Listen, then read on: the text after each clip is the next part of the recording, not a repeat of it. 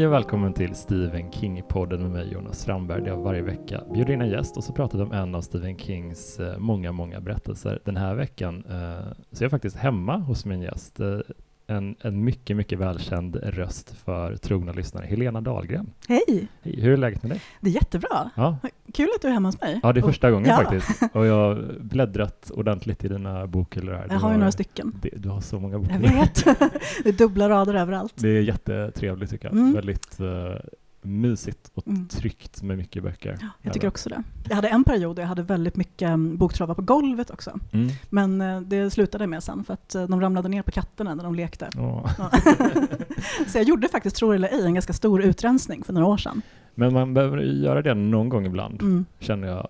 Eh, Det, det är ganska tillfredsställande ändå, att man bara men det, det är på något sätt att man säger, vill, vad bryr jag mig på riktigt Mm, om verkligen. i här, de här travarna? Ja. Typ här, bara, ah. Ja men det är lite fint. Så här, Ja. Vilka av de här böckerna älskar jag verkligen? Mm. Det- När man renodlar och blir mer av sig själv och sin egen smak. Mm. tycker jag kommer med åldern också. Ja, ja, men verkligen. Men har du, eh, du, när vi spelar in det här så har du ganska nyligen varit på Bokmässan. Ja. Hur, hur var det?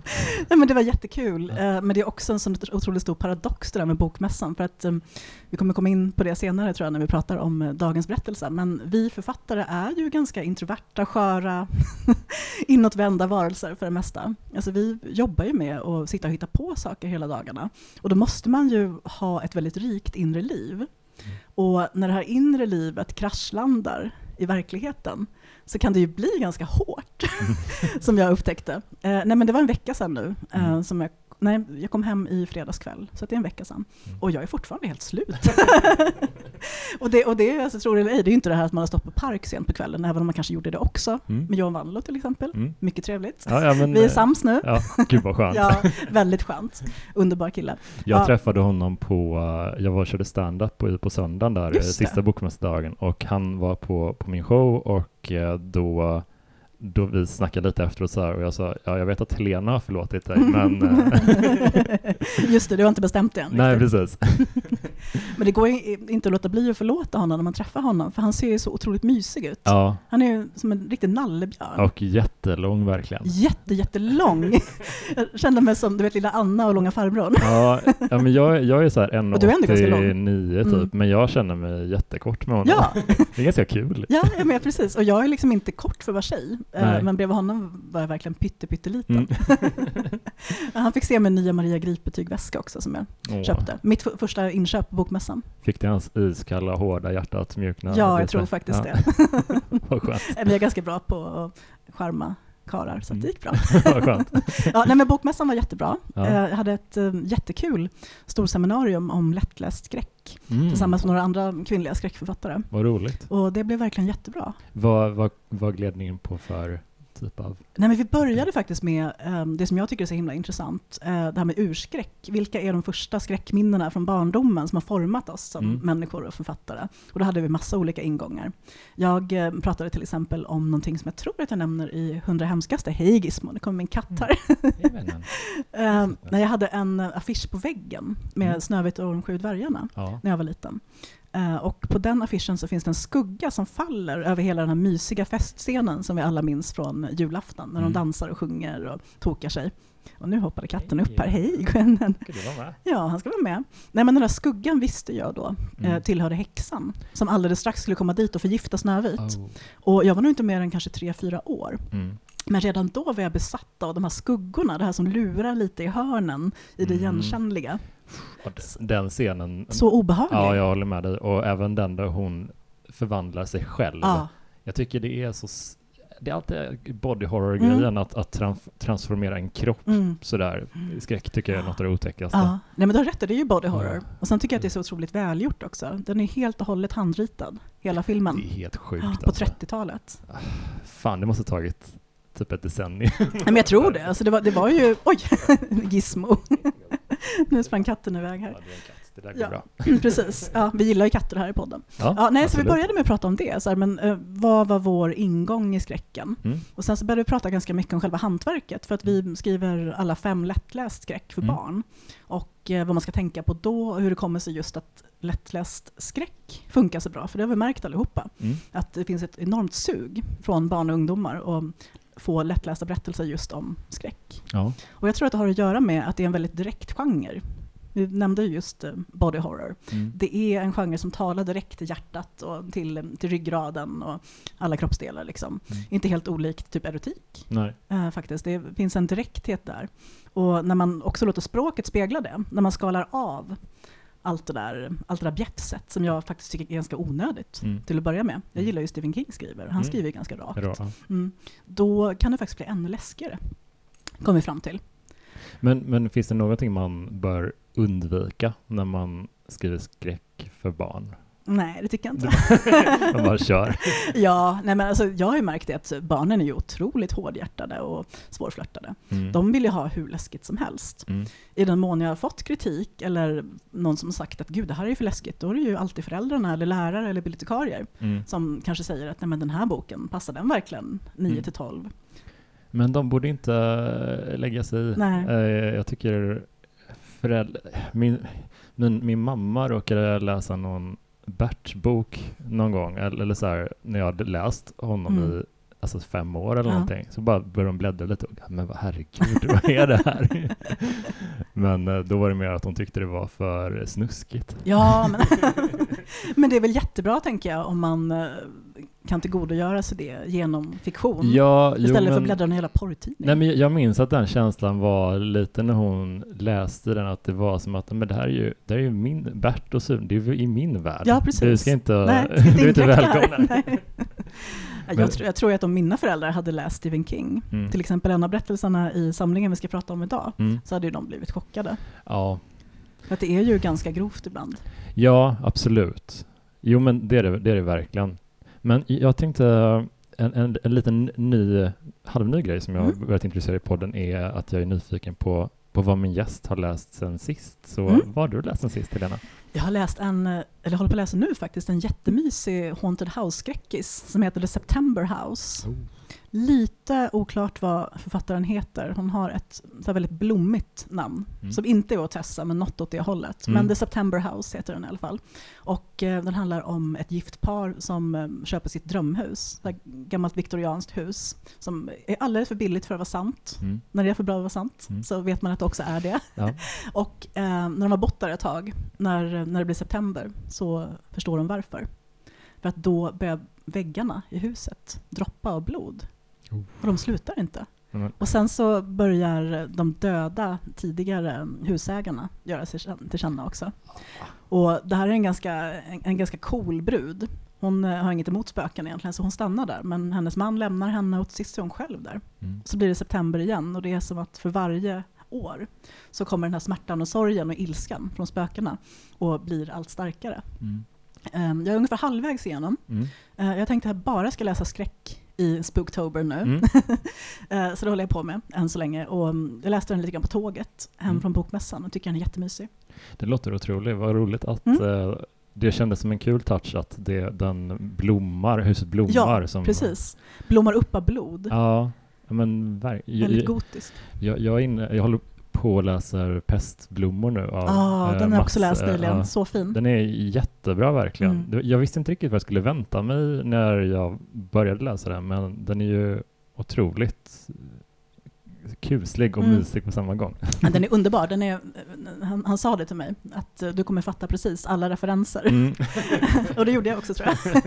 Jag ska skicka dem till honom sen. Ja, här är listan. Ja, exakt, här är listan. Men den här September House, lite kul. Ja. Anledningen till att jag köpte den var att jag såg att Grady Hendrix hade blurbat den. Oh, ja, Han, han har blivit min go-to-guy nu. How to sell the haunted Mm, house. Och, Precis, och My Best. Friend's Exorcism Just och det. uh, Horror Stör. Och, Ja, men jag läste då om uh, Final Girls, Girls Support Mm, Group. Den gillade eh, också. Den tyckte jag mycket om och även How to Sell. Mm. De är, det är kul man hittar den i, eh, det, det är samma som han eh, My Heart is a Chainsaw. just det. Också en sån Mm. ny, nytt skräckhopp. Mm, ja, men det det känns det. verkligen som det. Det kul. Mm. Jag fr- frågade den affischen då där bakom, Ja. är det Twin Peaks? Det är från Twin Peaks The Return. Det ja. är den här mm, klassiska atombombscenen. Ja. Eh, Minns en, det, det är ju det, ett av de mest omstridda avsnitten av Twin Mm. Peaks någonsin för att det är säsong tre då för Avsnitt lyssnare. åtta. Precis, det är en väldigt, eh, en väldigt surrealistisk eh, liten berättelse i berättelsen Mm. på något sätt. Den är väldigt speciell. Men jag tycker väldigt mycket om den. Jag minns Mm. när den sändes och att jag fastnade för den Mm. typ direkt. Det är så oerhört filmiskt. Mm. Och sen att allting är svartvitt också.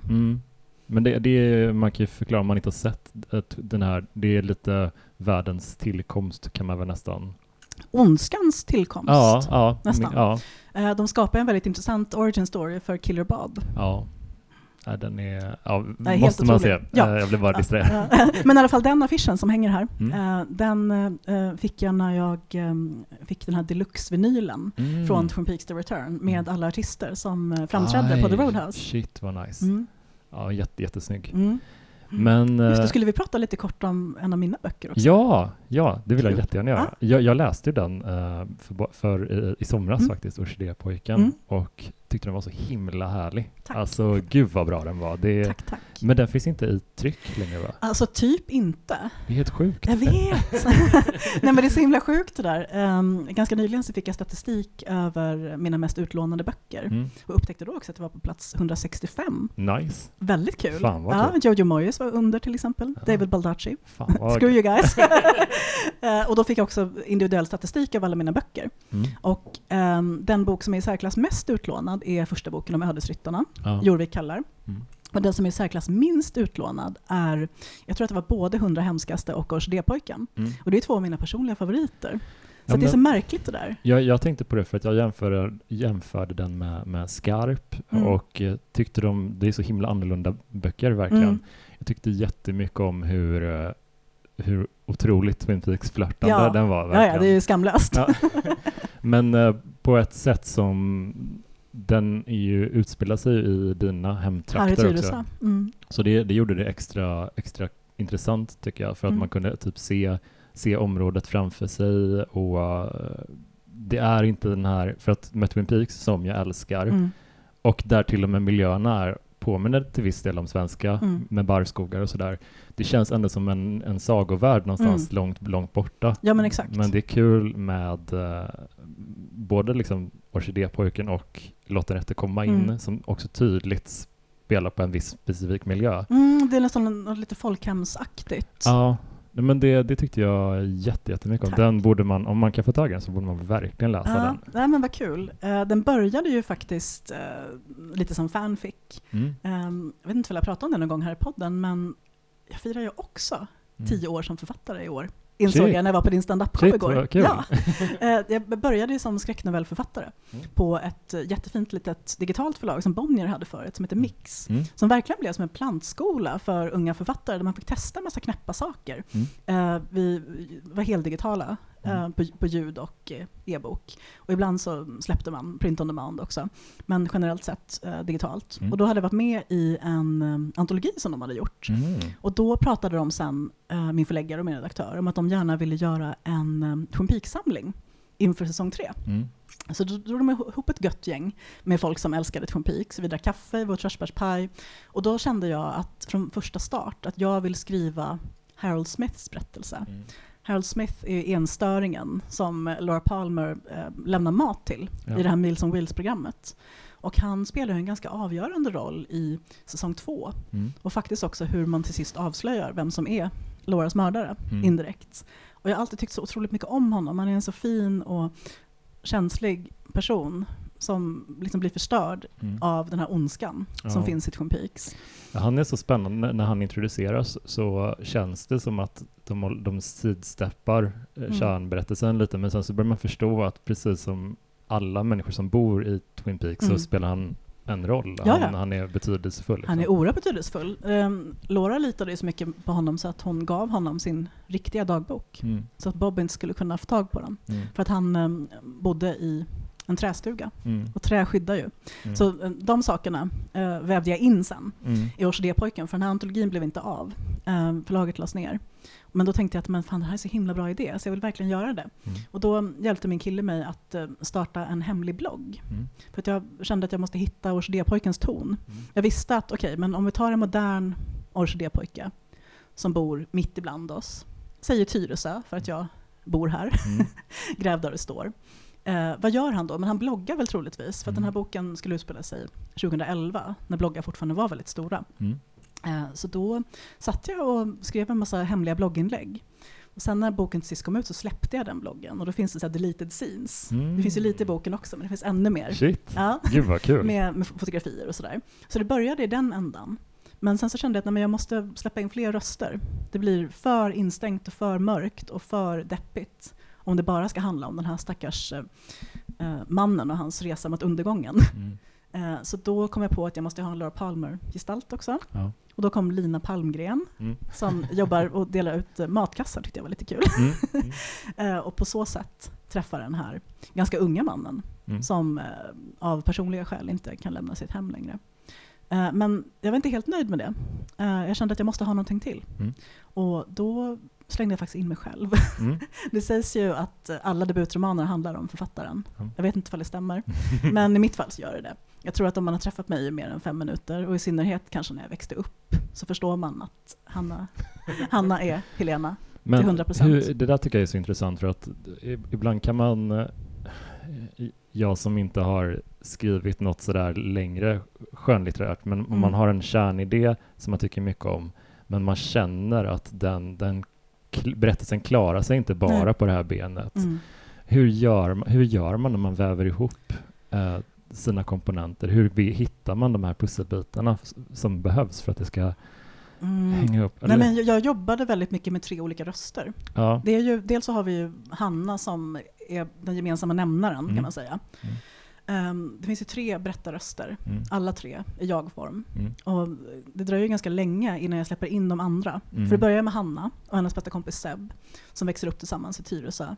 Och eh, de är lite outcasts i skolan, eh, nördar, eh, har väl inte riktigt hittat sin plats än. Mm. Så som man inte har Nej. när man går gymnasiet. Och när boken börjar har de precis tagit studenten. Det är sommar, de jobbar extra borta på kyrkogården här i närheten. Um, åker in till Patricia och alla gayklubbar, festar lite för mycket, uh, lyssnar på Amy Winehouse, Mm. kollar på Twin Peaks. Mm. Och eh, det är liksom de två mot världen. Mm. Men samtidigt så är det lite underförstått att de kommer lämna varandra så småningom. För att de är lite grann varandras kryckor Ja. i det här förstadiet till liv på något sätt. Och eh, där väver jag också in min ursprungsberättelse på något sätt. För att jag, har så, jag är så otroligt tacksam för hbtq-rörelsen Mm. och mina kompisar därifrån. För att eh, jag var ganska utstött i skolan. En dag så kunde någon tycka att jag var jättekul. Jag sa, men fan Helena, ska du ta och fixa, ska du ta och fixa musiken till klassfesten? Du har ju så bra koll. Ja, kul. Mm. Och sen nästa dag får man inte sitta bredvid. Mm. Eh, Så var det jättemycket. Och den upplevelsen har ju Hanna och Seb också. Mm. Och jag tror att det gör någonting med en när man ibland får vara med. Ja, att man är på sin vakt Mm. lite. Precis, man vågar inte riktigt tro på det. Mm. Eh, Men sen i alla fall någonstans där i slutet på gymnasiet så började jag hänga jättemycket med en massa gaykillar. Mm. Och blev liksom insläppt med öppna famnen Mm. i Stockholms gayliv. Och det var så jäkla härligt, för det var första gången som jag kände att nej men fan, jag kanske har någonting ändå. Så att, eh, jag kände mig så otroligt hemma Mm. och så uppskattad. Och allt det här, jag låter Hanna skriva det också i boken, så allt det där som jag hade förstått var icke önskvärt Mm. kring min personlighet.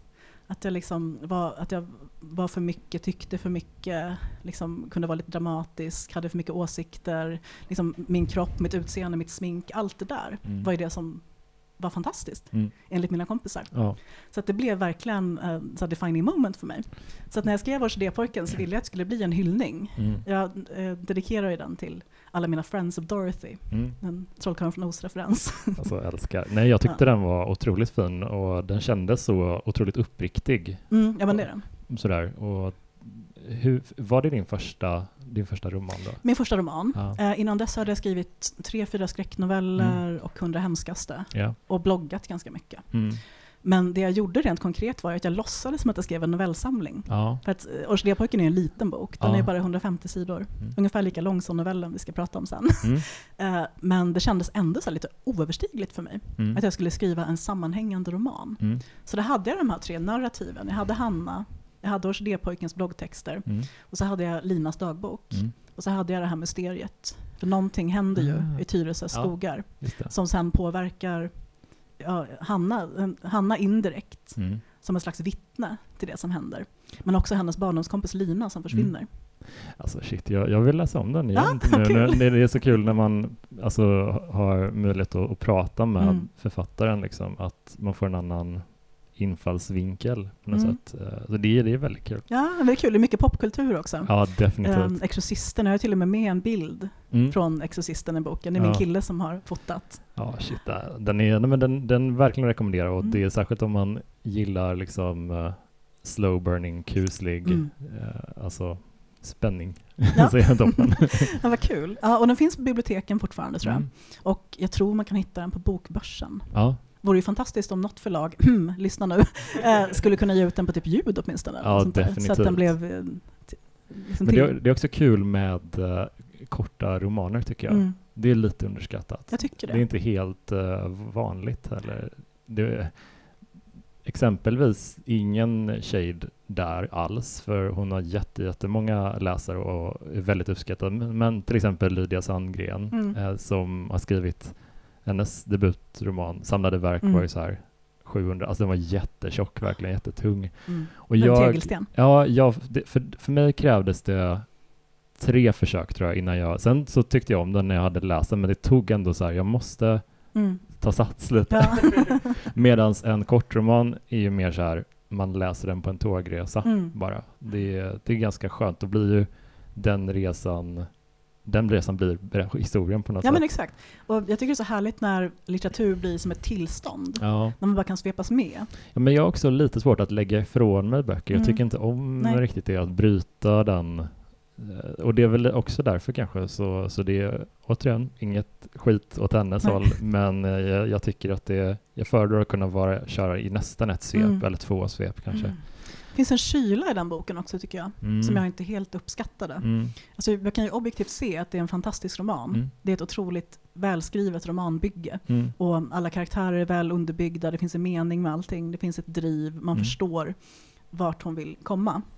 Men det känns så kyligt och konstruerat på något sätt. Mm. Ja men den är ju lite distanserad. Mm, med, det, jag tror det är precis. kanske det som jag fick mig att inte riktigt bli uppslukad av den från, från start. Men, men jag tyckte att den, när man kom in i tonen så eh, blev man ändå ganska investerad i det. Mm. Men, men jag ser vad du, vad du menar, liksom. absolut. Mm. Det är så intressant det där med eh, kyla och värme. Jag såg eh, King on Screen Mm. Mm. härom kvällen nu. Den här jättefina dokumentären om eh, Kings filmer. Mm. Och då var det någon av regissörerna, jag vet inte om det kanske var Mike Flanagan, Jo. jag tror det, som pratade om, eh, jo det var det, för han pratade om Dr. Sleep Ja, och The. Ja, Shining. Och då sa han att um, Stephen King är en så varm författare Mm. medan Kubrick är oerhört kylig Mm. och konstruerad. Så det är klart att det, att det blev en clash där. När Ja. de två kynnena Ja, skulle och samarbeta. grejen är att det låter ju, det låter ju värderande när man Mm. säger varm och kall, men det är ju en Två olika konstformer. tonfall som man Mm. pr- pratar om. Det är ju inte att någonting är dött Nej. eller levande. Det är inte det som... eh, Men, men ja, absolut, absolut. Och han, han är ju väldigt passionerad och, och närvarande, Mm. King, ofta. Alla, oftast i alla fall. Ja, och den här mänskliga värmen som du pratade om lite med Lotta Olsson också. Mm. Att man märker att han bryr sig så mycket om sina karaktärer. ja, exakt. Det tror inte jag Kubrick gör. Han ser dem som spelpjäser, tänker jag alltid. Ja, och att när jag ser hans filmer. Ja, och att saker ska hänga ihop på nästan ett matematiskt Mm. sätt. Och att det ska, men Kubrick jobbar ju mer med eh, att sä- sätta oss i ett tillstånd Mm, typ. Exakt. Och det, man, känner sig, man känner att man är i händerna på en manipulatör som i Ja. och för sig är väldigt skicklig, Mm. men, men ändå. Som, som Lorelai säger i Gilmore Girls, those Mm. are strings Pinocchio. jag gillar inte att känna mig manipulerad, det kanske är Nej, det. nej, men exakt. Men eh, vi ska prata om Secret Window och Secret Window, Secret Garden lite Mm, idag. Eh, precis. De, vi, vi kan kalla det här avsnittet för Secret Window avsnittet, så, så för enkelhetens skull. Precis. Hemligt fönster, hemlig trädgård, Mm. som den heter i den svenska samlingen Mardrömmar, Mm. som jag har framför mig här nu. Det, det här är en uh, filmatiseringen av den här har jag återkommit till några gånger, särskilt i Mm. början av podden, och som en sån DVD som cirkulerade och som många av mina kompisar har sett på en dejt eh, någon gång. Lite otippat. Ja men så här film, ja men en film, det var ofta, för det var liksom i 2006, 2007, 2008 Just där, D- då var liksom Johnny Depp var on the peak of his, Mm. alltså pr- verkligen prime verkligen. och, och, och han var ju verkligen den där alternativkulturens eh, breda representant Mm. då och det var- gjorde ju liksom att allt han var med var intressant. Mm. Och sen så när riktigt började sprida sig om den här filmen så, Mm. och folk hade sett den och tyckte den var spännande, läskig, men den var inte äcklig Nej. riktigt så. Och, och då, då gjorde det att folk bara, ja ah, men den här kan man se, den är lagom läskig. Mm. Det är inte en, en film som kommer göra att jag aldrig får gå på en andra dejt. Exakt. Så den var ju lite som en sån, ja men en, en skräck som folk, även folk som inte var så intresserade av skräck, kunde se Mm. och tycka om på något sätt. Jo, ja, men den är väldigt um, psykologisk, Mm. precis som eh, novellen. Ja men den har ju också ett, eh, det är ju nästan bara Johnny Depp i den Mm. också. så, så jag tror att det, det, gjorde det, det gjorde det lätt, eh, den lätt få att sälja tjejerna vilja kolla på den. Ja men precis. När man hade sett alla sjörövarfilmerna Mm. alldeles för många gånger så, Mm. ja men precis. Jag tror också att den, den gav ett lite, lite intellektuellt intryck också. Och det var också, just för att den handlar om, om eh, en författare, Mm. den handlar om skapande och den inre processen. Så Mm. att den ger, den, ja, ja men så. Mm. Och det här eh, var ganska kul att läsa den här novellen också. Den, eller vad ska jag säga, 120 sidor typ. Ja, typ 150 kanske till och med Ja. någonstans där. Nej, men den är, jag tyckte, på tal om så här kort, kortromaner, kortare eh, liksom, berättelser, de, den, jag, jag läste den i nästan en sittning typ Mm. och bara shit vad, vad, vad, vad spännande det här var. Mm. Och vad var i Morts huvud Ja, hela, hela tiden. Vi följer ju Mort uh, Rainey, en författare som eh, han, har, han är nyseparerad, bor själv långt på vischan.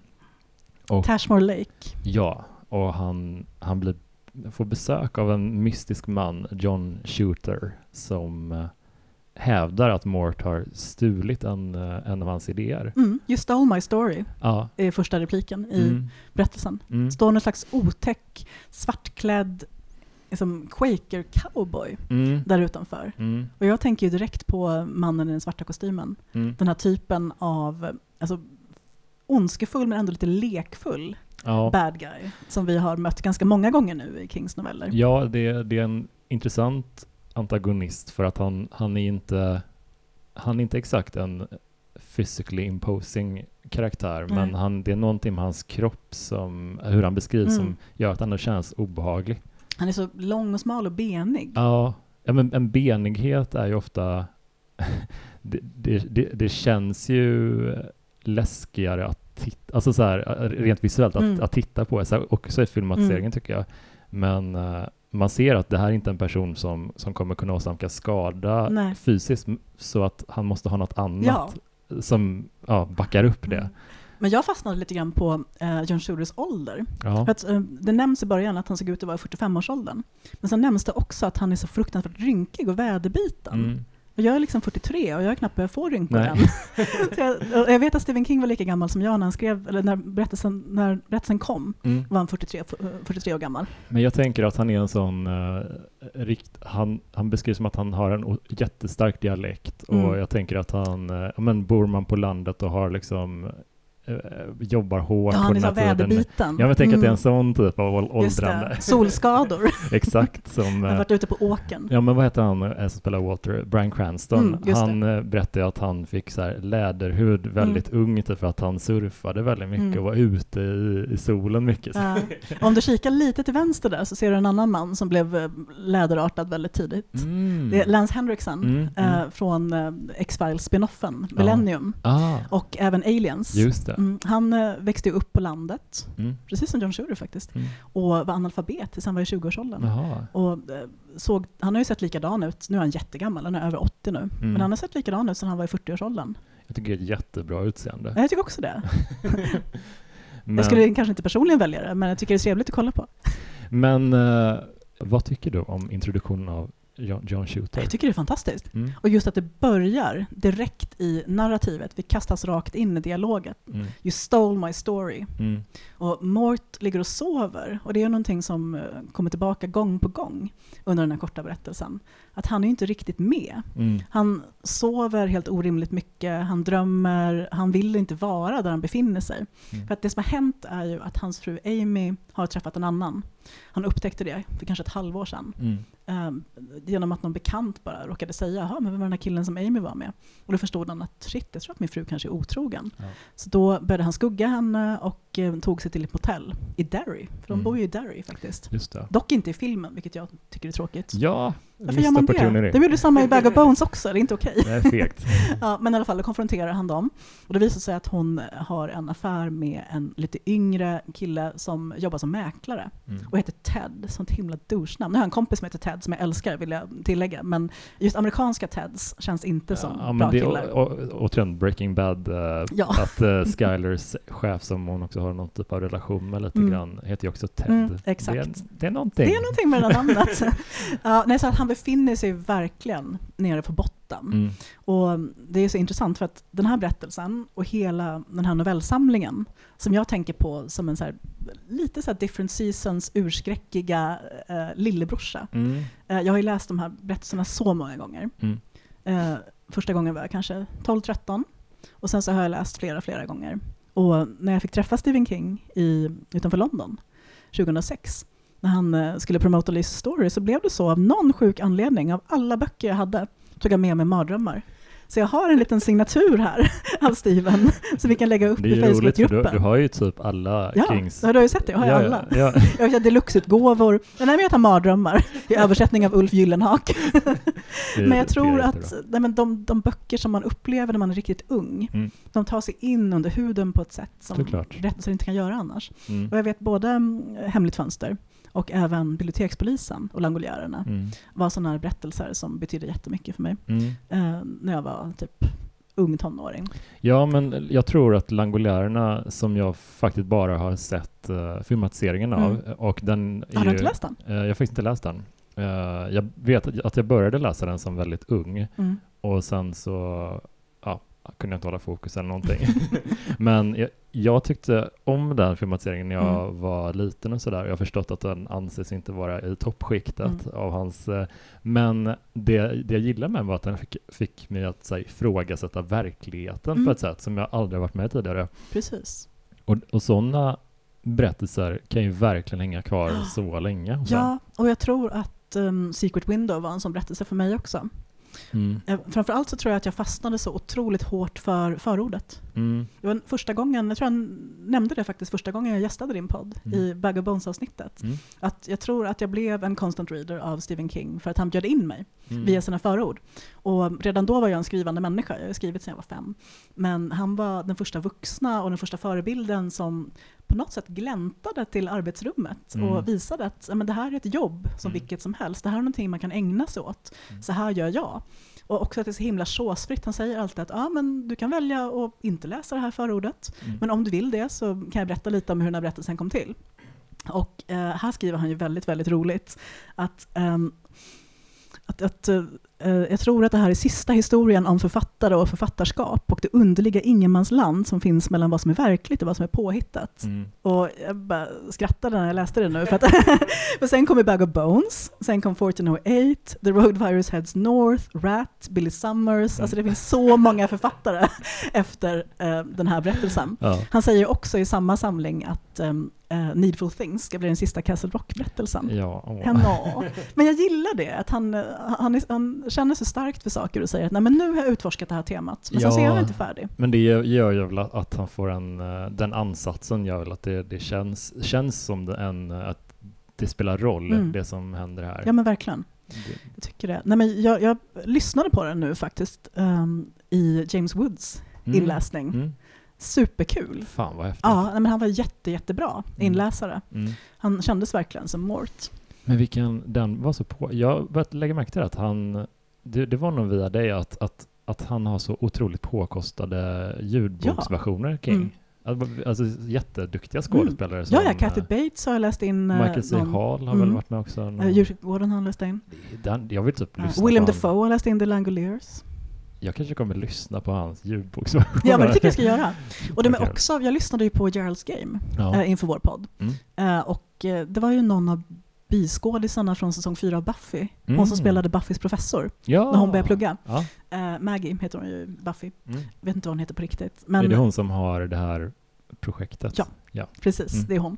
Mm. Eh, och det som jag tänkte på där och även nu med Secret Window är att det är, så, det är dramatiserat men sen ser det också så musik och specialeffekter. Mm. Så det är så jäkla spännande. Det är som att lyssna på en gammal radioteater nästan. Mm. Lite som Orson Welles när han gjorde War of the Worlds. Liksom. Ja, shit vad kul. Så att, eh, det var min första, eh, min första läsning nu, Mm. efter att inte ha läst den här novellen på ganska länge. Mm. Och sen så, för att jag är som jag är då, så tog jag upp min gamla slitna utgåva av Mardrömmar Mm. och läste om den på svenska också. Hur är översättningen? Mm, bitvis bra, eh, men den är också väldigt stelbent och konstig. Eh, ibland så används ord som absolut inte finns i Stephen Kings universum överhuvudtaget. Nej. Som eh, i slutet, eh, en av de sista meningarna på engelska i Secret Window är ju “It was not a friendly face”.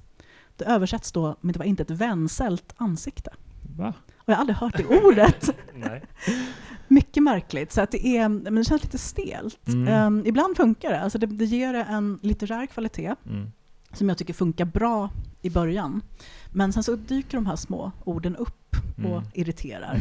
Men samtidigt så är det så svårt för mig att kritisera den här översättningen för att jag läste den så himla många gånger när jag var liten. Mm.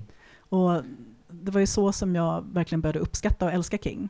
Ja, nej, men jag fattar precis. Och man, man kan ju också vänja sig vid en rytm Mm, på ett precis. sätt som gör att det här är, kanske är en, en, en version av Mm. berättelsen som har etsat sig fast. Med betoning på version, för att nu för tiden läser jag ju nästan bara King på engelska. Då har jag ju märkt hur hans verkliga ton är. Mm. Och vissa översättare fångar det jättebra, som John Henry till exempel, Mm. tycker jag gör det alldeles utmärkt. Mm. Medan andra inte alls lyckas med det. Nej, nej men, eh, men särskilt 80-tals Mm. King tycker jag, det, det är verkligen hit and miss hela Mm. tiden.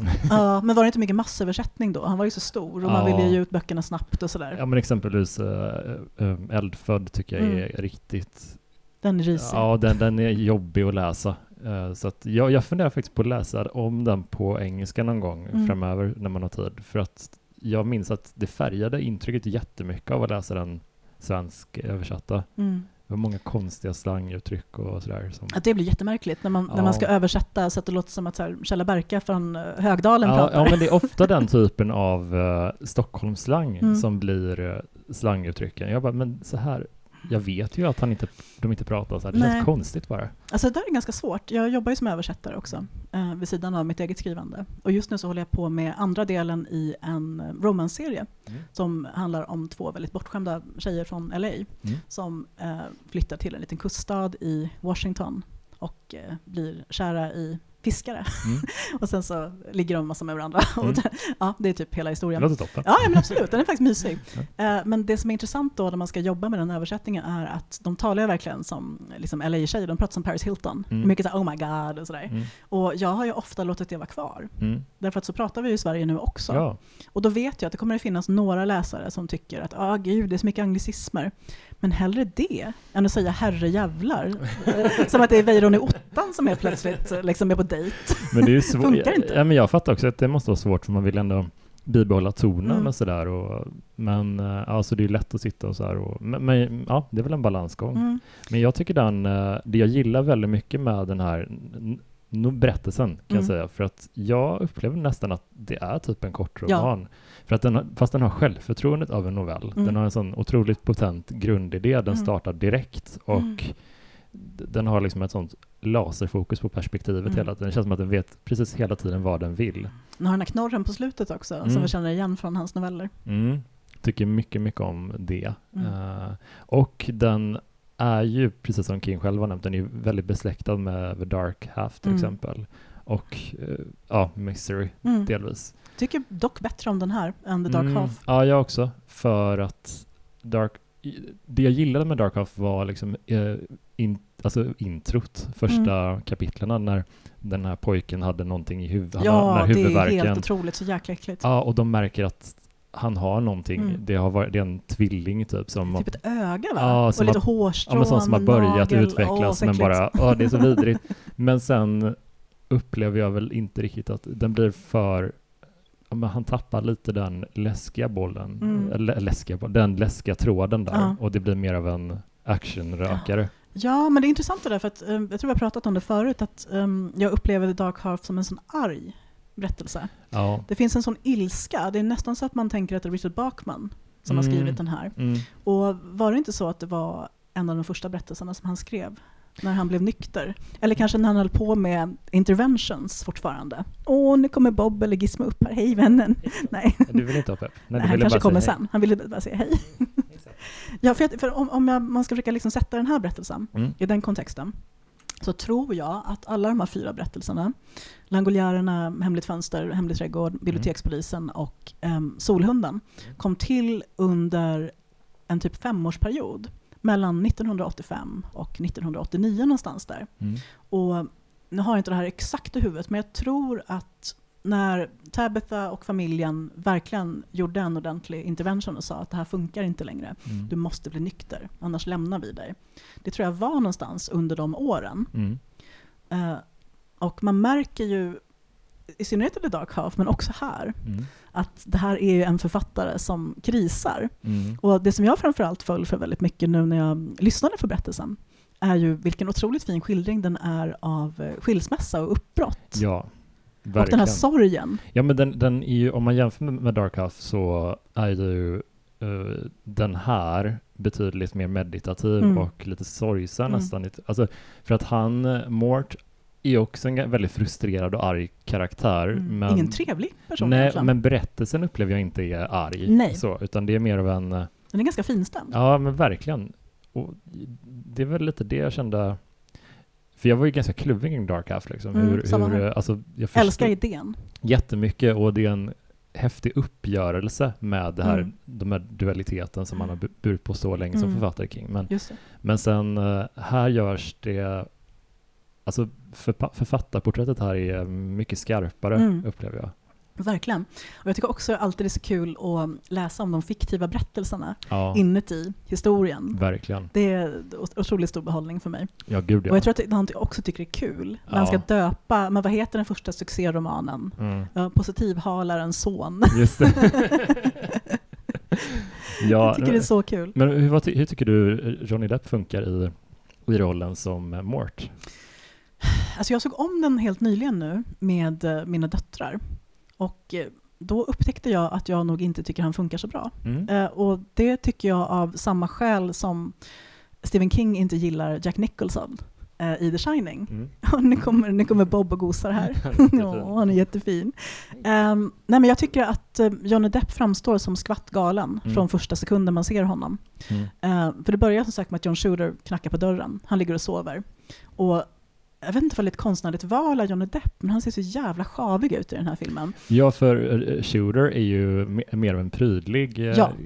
sammansatt karaktär. Verkligen. Liksom så, eh, prydlig. Ja, Mm. så. Men Johnny Depp har ju på sig någon så här otroligt trasig gammal morgonrock med gamla flanellpyjamasbrallor under. Och hans hår är jättemärkligt. Han har någon så här blond utväxt. Eh, och håret är lite lockigt och det ser bara jätteweird ut. Men jag tänkte på en... Nej Bob, bit inte mig i benet nu hörru.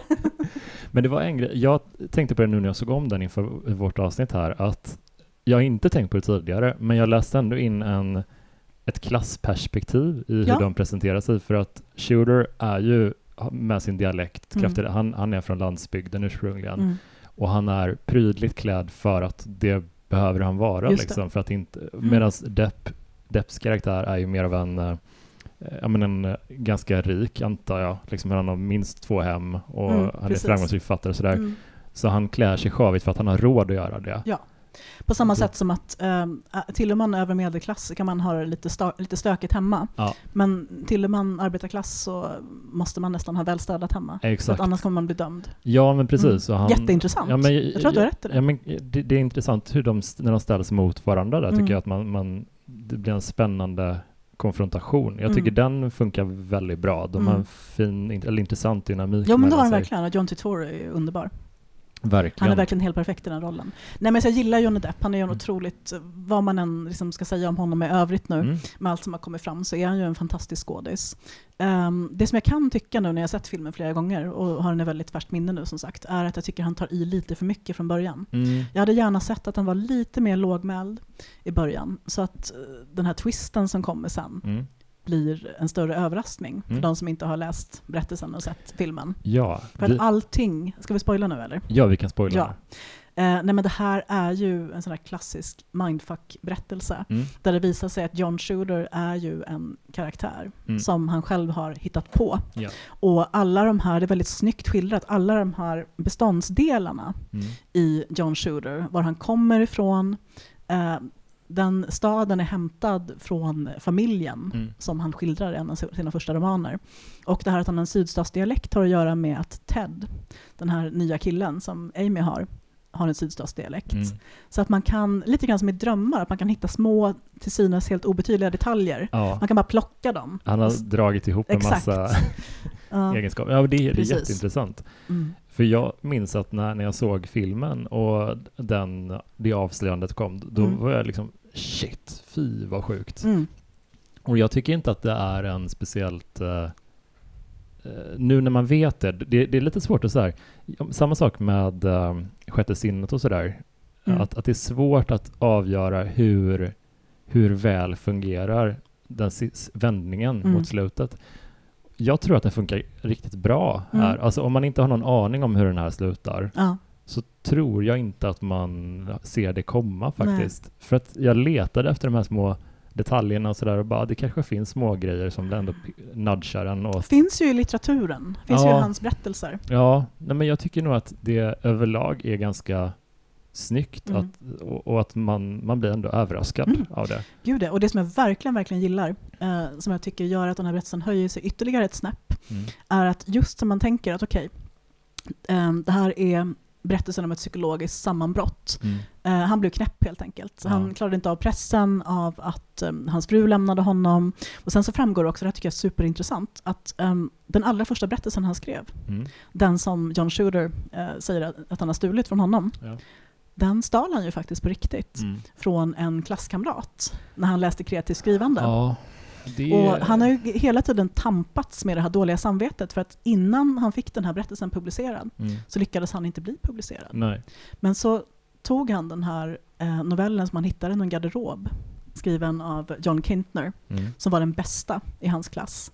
Och det kände jag också igen mig i så himla mycket för alla vi som är skrivande personer vi har kanske varit bäst på att skriva på vår mellanstadieskola, på vårt gymnasium, kanske till och med vår hemkommun. Mm. Man har vunnit priser och fått högsta betyg och sådär. Men sen när man en dag, som vi ofta gör sen, befinner oss i en plats där alla var bäst i klassen på att skriva, Mm. då, då blir det ju en väldigt märklig hierarki. Mm. Och det kan vara ganska knäckande Mm. om man inser att men shit, jag är inte bäst längre. Jag är två eller trea i bästa fall. Mm. Och den upptäckten gör ju eh, Mort redan på universitetet. Ja.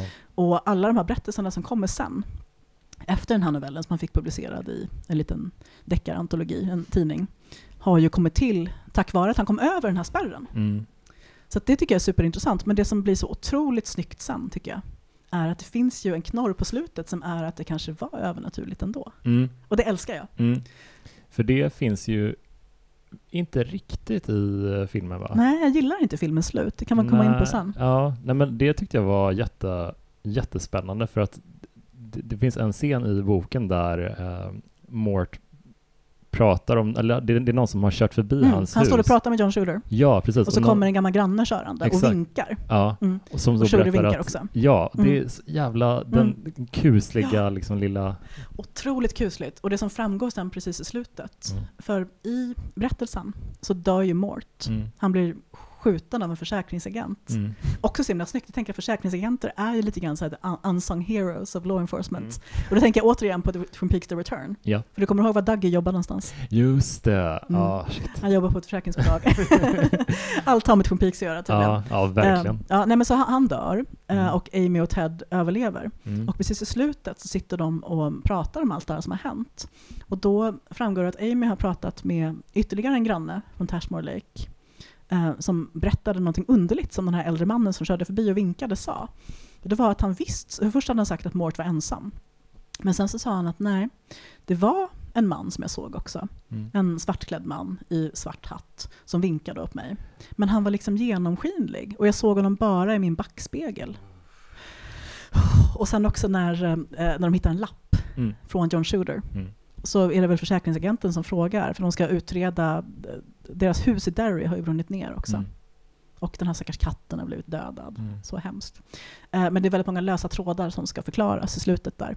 Och eh, då frågar han och tittar på den här lappen, men är det här din eh, avlidne mans eh, namnteckning? Nej, det är det verkligen inte, säger hon då. Så det är två väldigt starka indicier Ja. på att den här John Shooter, och min teori, är att han blev så verklig i fiktionen så att han manifesterades på riktigt. Mm. Det är en jättespännande tanke tycker jag. Ja, jag tänker också att det, det är också ett släktskap med uh, Dark Half, liksom, Mm. att det, han får tvinga fram den här liksom, det alternativa Mm. personligheten, om man ska kalla det, Mm. och med sin, sin kreativitet bara. Mm. Sådär. Det är, jag tycker jättespännande och det, det gör ju boken mer sofistikerad Mm. än filmen också för att den Verkligen. lägger till den här ytterligare vändningen. Man tror att, att den är hamn och sen så Mm. kommer de här två till grejerna Mm. på slutet. Mm. Och det jag- jag inte gillar med slutet i filmen är ju det här att, um, att Mort dödar både Amy och Ted Ja. och begraver dem ute i trädgården Mm. och börjar odla massa majs, precis som sin eh, karaktär i novellen. Mm. Och i slutet så vet ju den här eh, lokala snälla polisen att eh, han har ju dödat både dem och även eh, flera personer i Tashmore Lake, men jag kan Ja. inte bevisa det. Nej. Så han kommer dit och då har Mort börjat skriva igen och så sitter han och eh, tuggar helt maniskt på majs Mm. och eh, helt galen. Mm. Alltså full cray cray. Och eh, jag gillar inte det slutet för att det blir lite för gleeful på något sätt tycker jag. Mm. jag. Ja, Jag tycker om den här oerhört sorgsna, mörka tonen. det känns i som novellen. att Johnny Depp hade någonting med det slutet att göra. Verkligen. Man Han har den säkert övertalat, ja. jag har Jag bara tänker mag, också jag har inte läst på något om produktion, Nej. men det är bara, men jag tyckte väldigt mycket om Alltså anledningen till att den heter Secret Window det är Mm. att, att Mort hittar liksom ett, ett, ett fönster i, i eh, tvättstugan i källaren liksom, Mm. vä- väl, och Mm. som han inte har, som inte används riktigt. Nej. Och, och, och genom det fönstret ser han sin trädgård från en annan vinkel. Mm. Precis, och det var exakt så som Stephen King kom på novellen också. Mm. Han eh, skulle slänga in en skjorta i Mm. tvätten Mm. och så tittade han ut genom ett litet fönster och så fick han syn på mm, sin trädgård som han har tittat ut på hundratusen gånger. Mm. Men han hade aldrig någonsin sett den ur det här perspektivet. Mm. Och lite så är ju hela den här berättelsen. Att det finns en Ja, perspektivförskjutning. Liksom. ja, exakt. Och jag vet ju inte, men det känns som att det kanske är en del av att skriva kreativt, att vända Mm. och vrida på olika saker och försöka se det från olika håll Mm. och sådär. Och bara, det är jättespännande, en Mm. jättehäftig liten metafor Mm. typ. Jag har en teori Mm. om den här berättelsen.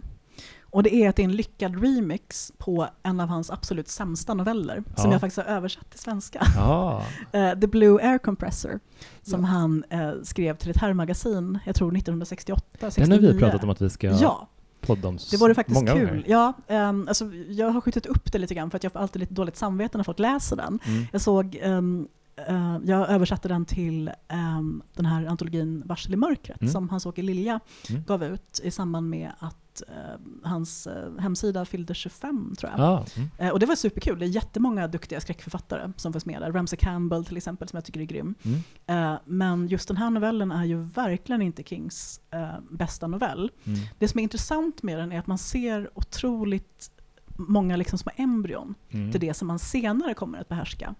Eh, Just det här kring eh, verklighet, eh, kontrafiktion, galenskap, Mm. den tunna hinnan däremellan. Men det är verkligen en jättekonstig berättelse och den är Mm. inte så himla liksom, stilistiskt snygg heller.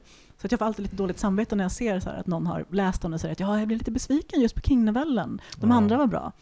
Men jag tycker att som tidsdokument Mm.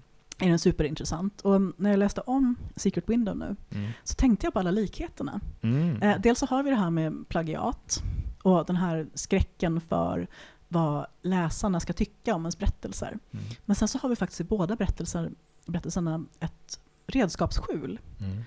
eh, dit författaren Ah. går för att hämta mordvapen. Mm. Och i The Blue Air Compressor så är det en stor sån Mm. eh, slags luftkompressor Mm. som han använder på ett otroligt obehagligt sätt för att mörda en osympatisk kvinna som han blir arg på för att hon har kritik mot Ja. hans novell. Ja, ja. Och här i slutet så går ju Mort ut Mm. till sitt eh, skjul och hämtar redskap som han Mm. sedan använder. Han minns ju inte att han mördade sin katt till exempel. Men är inte det en liknelse King har använt? Att, att han pratar om sina Precis. verktyg och Ja. redskap? och sådär? Exakt. Shit. Ja, och det är ju en liknelse som han använder ofta när det gäller skrivandet. Mm.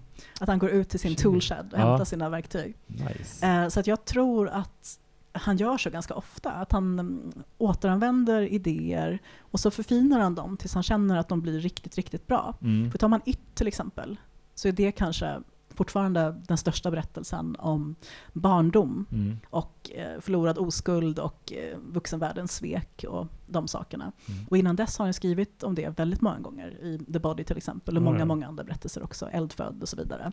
Men hans, Så jag tror att han ofta gör så, att han vad intressant. återanvänder teman. Ja, men det, det, det känns ju... Jag vill... Ja, jag ska läsa om den och tänka Mm. lite, leta lite efter de grejerna. För jag tycker man kan ibland se saker med när, när King, tidiga King, när han har ett, ett koncept som är lite för avancerat. Eh, som, då, då tar han inte alltid det i hamn helt och Nej. hållet. Men när det är en rakare berättelse, tidig King, Mm. de är, funkar oftast väldigt bra. Mm. Det är som att han måste träna sig mycket mer på, på, på koncept Ja, och så. Mm, och precis. Det är därför senare King är så himla Mm. stark. För The Blue Air Compressor är ju en berättelse som vill väldigt mycket. Till Mm. exempel så mm, hoppar ju karaktären Steve King in Mm. och hijackar berättelsen och säger Mm. Hi, I'm Steve King. Eh, jag jobbar på, jag är student på det här universitetet, eh, vi har läst de här skräcknovellerna Mm. och här är några saker du behöver veta om skräckförfattare. Mm. Och grejen är att det blir lite grann som, du vet i de första avsnitten av Sex and the City, Mm. när, det hela, när man bryter den här tredje väggen. Han tittar in i kameran. Ja, tittar in i kameran. Det. Jag gillar verkligen inte Nej, det. Jag det- gillade aldrig House of Cards heller av den anledningen. Nej, men jag Det tänker, blir för mycket. tänk om, eh, tänk om King hade skrivit 11, 22, 63 på 80-talet, Åh, herregud. tidigt Ja, 80-tal. eller typ. 70-talet, vilken Ja, hemsk tanke. Fan, det, är- jag tror den hade varit jätte, nästan, inte omöjlig, det beror lite på när i missbruket han hade Mm. skrivit den, men jag tror den hade varit jobbig att ta sig Mm. igenom då. Och jag tror inte att han hade nailat alla, den här klarheten, enkelheten i Mm. mytologin på samma sätt. Nej, men jag tror inte heller det. Och, um, um, jag ratear ju som sagt Secret Window betydligt högre än The Dark Half. Mm. Men jag tycker ändå att både Bag of Bones och Misery är starkare Mm. som författarskildringar. Och Mm. Misery kom ju innan. Inte så långt innan dock. Jag tror att den publicerades 87. Mm. Så att man kan ju anta att de kanske skrev den ungefär samtidigt. Mm. Mm. un- Under samma period. Men Bag of Bones kom ju först 98. Ja. När han hade varit nykter ganska länge. Det var ju, tror jag, sista boken han gav ut innan den här hemska olyckan. Mm. Mm. Och det är ju en av mina favoriter. Jag tycker att den är så vacker och lågmäld och det finns så mycket litterära referenser i den. Den är som en godispåse Ja, för litteraturälskare. verkligen. Så att de- den tänker jag också väldigt mycket på här faktiskt. För att här, här har vi en författare som kommer från Derry Mm. som befinner sig ensam i en stuga vid en sjö Mm. och sörjer sin fru. Och just i det här fallet så lever ju frun fortfarande. Mm. Det är ju, jag säger bara en skilsmässa, men jag har ju själv skilt mig så jag vet att det är ju en sorg Mm. som faktiskt går att jämföra med ett dödsfall. Mm. För det är ju döden för relationen. Jo, jo. Och det tyckte jag var så otroligt snyggt i den här berättelsen. Eh, ganska tidigt i början så ringer hans telefon Mm. och så är det hans exfru Amy som ringer. Och de börjar med att prata bara så här ditt och datt verkligen. Och de börjar prata om att Nej, men det är dags att reparera taket nu. Och hon säger ja just det, det hade jag glömt bort. Och så reflekterar han över att gud vad lätt vi pratar med varandra. Mm. Vi låter inte skilda Mm. när vi pratar med varandra. Och lite senare så råkar han nästan säga jag älskar dig till henne. Men istället säger han jag hoppas att du har det bra eller någonting sånt. Mm. Och det där tycker jag var så otroligt fint och sorgligt, för så där är det Ja. verkligen. Alltså jag kan ju fortfarande kämpa med det ibland. Så jag och min exman har varit skilda i över åtta år nu i höst. Mm. Men eh, ibland när vi pratar med varandra så låter det verkligen som att vi fortfarande är ihop. För att Ja. man känner varandra så otroligt intimt och man har ju gjort det i så många år. Ja. Och det finns ju en sorg där, men också någonting lite fint. Mm. Som jag tycker att King fångar så otroligt fint här. Verkligen, verkligen. Det känns så... Ja, men det är så ledsamt. Mm. Bara. Det, det, det, jag, tyck, jag tycker om när det finns så här ett melankoliskt stråk genom hela genom hans berättelser och Mm. här, här är det så tydligt verkligen. Eh, Ja, det här är en av mina favoriter just om man tänker till långnoveller slash Mm. kortromaner. Ja, men jag tyckte, tyckte, jag tyckte, jag väntade mig att jag skulle tycka om den, Mm. men jag gjorde det nog på ett annat sätt än, än för att jag tyckte att det skulle vara närmare filmen på något sätt Mm. i ton. Den Just det, du såg filmen innan du läste Ja, den. exakt. Mm. Så jag tänkte att den skulle vara lite mer så här, ja men lite, lite galnare Mm. typ. Men det var skönt att den inte Mm. var. jag tycker också det. Jag gillar verkligen det här lågmälda och lite Mm. uppgivna. Mm. Och jag tänker som sagt väldigt mycket på det här med att han sover mycket. Mm. Liksom, om man har haft någon som helst erfarenhet av depression så vet man ju att det är, ju, det är Mm. så man gör eh, när man är deprimerad. Man ligger bara och sover. Ja. Man orkar inte med verkligheten. Nej, det, det. En, någon, en av de grejerna med Morty i filmen som jag tycker funkar Mm. bäst faktiskt. Verkligen. Att han, eh, att han bara vill få tiden att gå typ. Mm. ja, så deppigt. Ja. Och för mig som då både är frånskild och författare så Mm. kunde jag ju verkligen se de här tydliga två temana i Mm. berättelsen och hur de löper Mm. parallellt. Och jag tycker också att det är ett väldigt trovärdigt porträtt av en författare i kris. Mm. För att, som jag nämnde i början av det här avsnittet med bokmässan, vi är sköra varelser, Mm. vi är vanemänniskor. Det krävs så otroligt lite för att vi eh, ska sluta fungera, lite grann som katter. Mm. Vi tycker om våra rutiner. Mm. Och eh, det finns ju de här myterna kring eh, kreativt skrivande och skapande. Att man sitter uppe, jag får höra det ganska ofta, så här, men gud vad härligt författare, du sitter uppe mitt i natten och dricker rödvin. Men, Mm. Nej, det gör jag verkligen inte. Om jag skulle göra det skulle jag skriva skitdåliga böcker. Så att jag har ju märkt det, att jag måste ha ett väldigt ordnat privatliv för att kunna skriva bra. Mm. Och Mort har gjort samma upptäckt. Mm. För han kan ju inte skriva längre. Nej. I vanliga fall sitter han och skriver i sitt eh, arbetsrum hemma i Derry. Och han hör sin fru ute i korridoren och kanske fixar lite med tvätten, går ut och på- påtar lite i trädgården. Mm. Och mm, det är ju samma med mig. Jag skriver ju aldrig så bra som när mina barn sitter bredvid och liksom kollar på någon film eller spelar något spel. Eller... Nej, men det där, jag kan verkligen föreställa mig att det är... Jag hade länge en, en hå, ganska hånfull syn och, på George R. R. Martin Mm. som skrivit Game of. Thrones-böckerna och sådär. Lilla George. Ja, men, Där har vi en så, skör ja, människa. men så otroligt skör. Och det var när jag såg hur skör han var, när jag började Mm. inse hur svårt han tyckte att det var att skriva på Mm. riktigt, som Ja. jag bara, nej men nu känner jag mig jättetaskig. det finns det här fantastiska klippet när han Mm. och Steve pratar med Ja, det varandra. är ju toppen. Ja. Jag, jag mindes det som betydligt mer konfrontativt äh, än, än det verkligen, det var ju inte Mm. Nej, det. Det är ett jättefint samtal. fint samtal. Men eh, det jag mindes från den var ju bara liksom att King säger, eller George frågar King bara, ah, men hur gör du för att vara så produktiv? Bara, ah, Mm. jag sätter mig och skriver Ja. bara. Ja, det, det låter ju lätt för dig. Och det, Exakt så Det är är- det kan jag avslöja. ja, ja, jag fattar, men fan man... eh, Alltså han verkar... Martin verkar tycka genuint illa om ganska mycket av det han skriver Mm. och inte... Eller vara missnöjd med det hela tiden typ. Och Jag tror inte han tycker om att skriva skriva, jag tror han tycker det är ångestladdat. Ja, verkligen. Ja.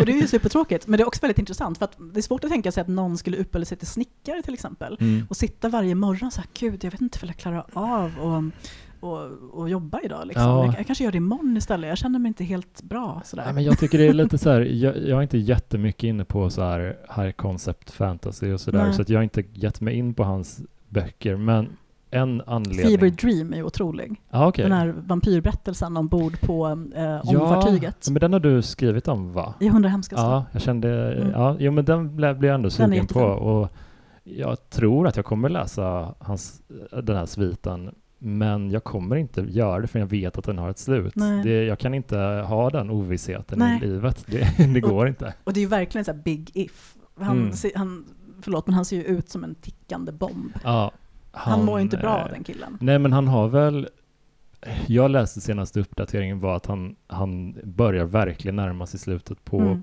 inte livet förhoppningsvis, men han har han är ganska nära att färdigställa Mm. nästa bok, men mm. De har det hört ganska länge nu. det, är väl den, det är väl den näst sista dock.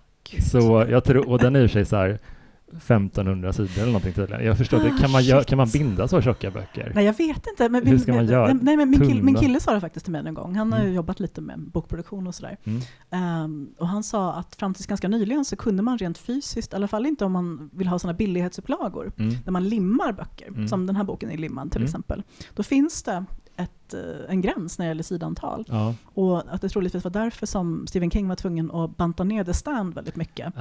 ehm, till en början. Mm. För att det går inte rent fysiskt att hålla ihop. Men nu tror jag dock att om man binder en bok, Ja. eh, och även tror jag dagens lim är bättre. Ja. Men, men förr var det ju så, att det rent fysiskt inte gick och då delade man ju ofta upp böckerna i ja, två. ja. Min, min tjockaste bok utöver Bibeln, som jag, ja, jag äger nog ingen Bibel nu längre tror jag, men eh, det var en sån Marvel-omnibus med, med, med Tor, Mm. eh, samlade berättelser från eh, Walter Simonson och det, den är typ så här 12-1300 sidor. Mm. Den är riktigt, riktigt bäst verkligen. Men de är alla extremt välsydda i ryggen Mm, typ sådär. precis. De, de hänger ju- alltså de de tål mycket Mm. helt enkelt. Så det, det är skönt. Men eh, vi får se. Mm.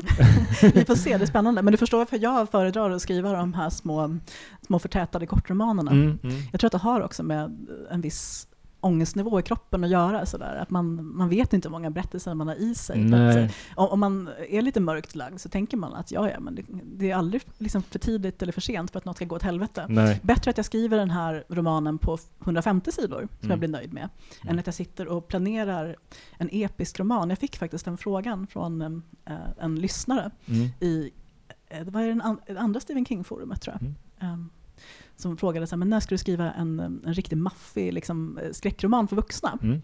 Och grejen är att jag vill ju göra det Mm. någon gång. Men eh, då måste jag ju kanske avsätta fem år av mitt liv. Mm. Då jag lever i den här världen. För jag tänker mig att det måste ju vara någonting väldigt stort. Jag skulle vilja Just göra det. som en svensk version av It. Ja. Som handlar om eh, vänskap då och nu. Mm. Ehm, några som tvingas eh, ta sig tillbaka till en viss plats och Mm. någon slags onämnbar ondska, men göra min egen grej av det då. Mm. Men jag vet att det skulle kräva så otroligt mycket av mig. Ja, Så att jag det. måste nog, tror jag, få ur mig några till lite lättare berättelser Mm. först. Mm. Innan jag gör det. Så Göran, du får vara lite, lite tålmodig med mig. Jag vet Ja. att jag framstår som väldigt så här, eh, glad och robust, men jag är inte riktigt det faktiskt. Jag ser jättemycket fram emot Ja. eh, den i alla fall, när den kommer. ja, den kommer någon gång. Men eh, det var jättekul. Ja, gud Som vilket vanligt. mat, ett fullmatat avsnitt. Ja, jätte, blev. jätte, jättekul. Och eh, det, det fanns mycket, mycket att säga om det här. Eh, också kul att jag, jag tänkte att, att jag hade tänkt på alla aspekter Mm. av, av filmen framförallt, men Mm. det dyker upp nya Mm. saker hela tiden. Jag tycker att den är, den är lite, lite underskattad skulle jag nog säga. Mm. Alltså, alla filmer som har en twist, be, jag tycker, tro, jag upplever att de betraktas som lite på ett förminskande sätt Ja, ibland. verkligen. Att de är Som bara att de blir twist. twisten. Ja, Mm. men, men man kan ju se om den med Mm. det i åtanke Mm. och uppfatta helt andra saker. Jag tycker Verkligen. jättemycket om det. Mm. Ja, men jag med. Och nu funderar jag på om jag ska utsätta dig för en av de absolut otäckaste novellerna jag någonsin har läst Oh, snart. ja. Den finns ju med här i Mardrömmar. Ja.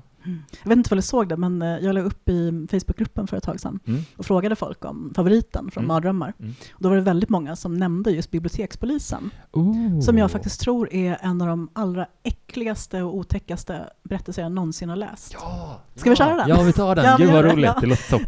Ja, den, förstörde mig som Ja. barn kan jag säga. Shit Mm. alltså. Så det är kul att se Ah, vad du tycker om nice. den. man, man, man vet att man är så här, eh, skräckkompisen och man bara, nu vill jag förstöra dig. Du bara, ja.